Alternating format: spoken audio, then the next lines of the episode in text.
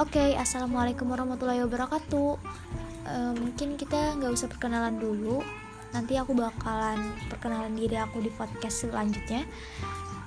Di sini nanti uh, di podcast aku bakal berisi tentang sebuah pengalaman percintaan, yang kedua motivasi percintaan, dan yang ketiga tentang pertemanan dan mungkin nanti akan aku tambah-tambahkan juga tentang perjalanan istiqomah dan motivasi belajar.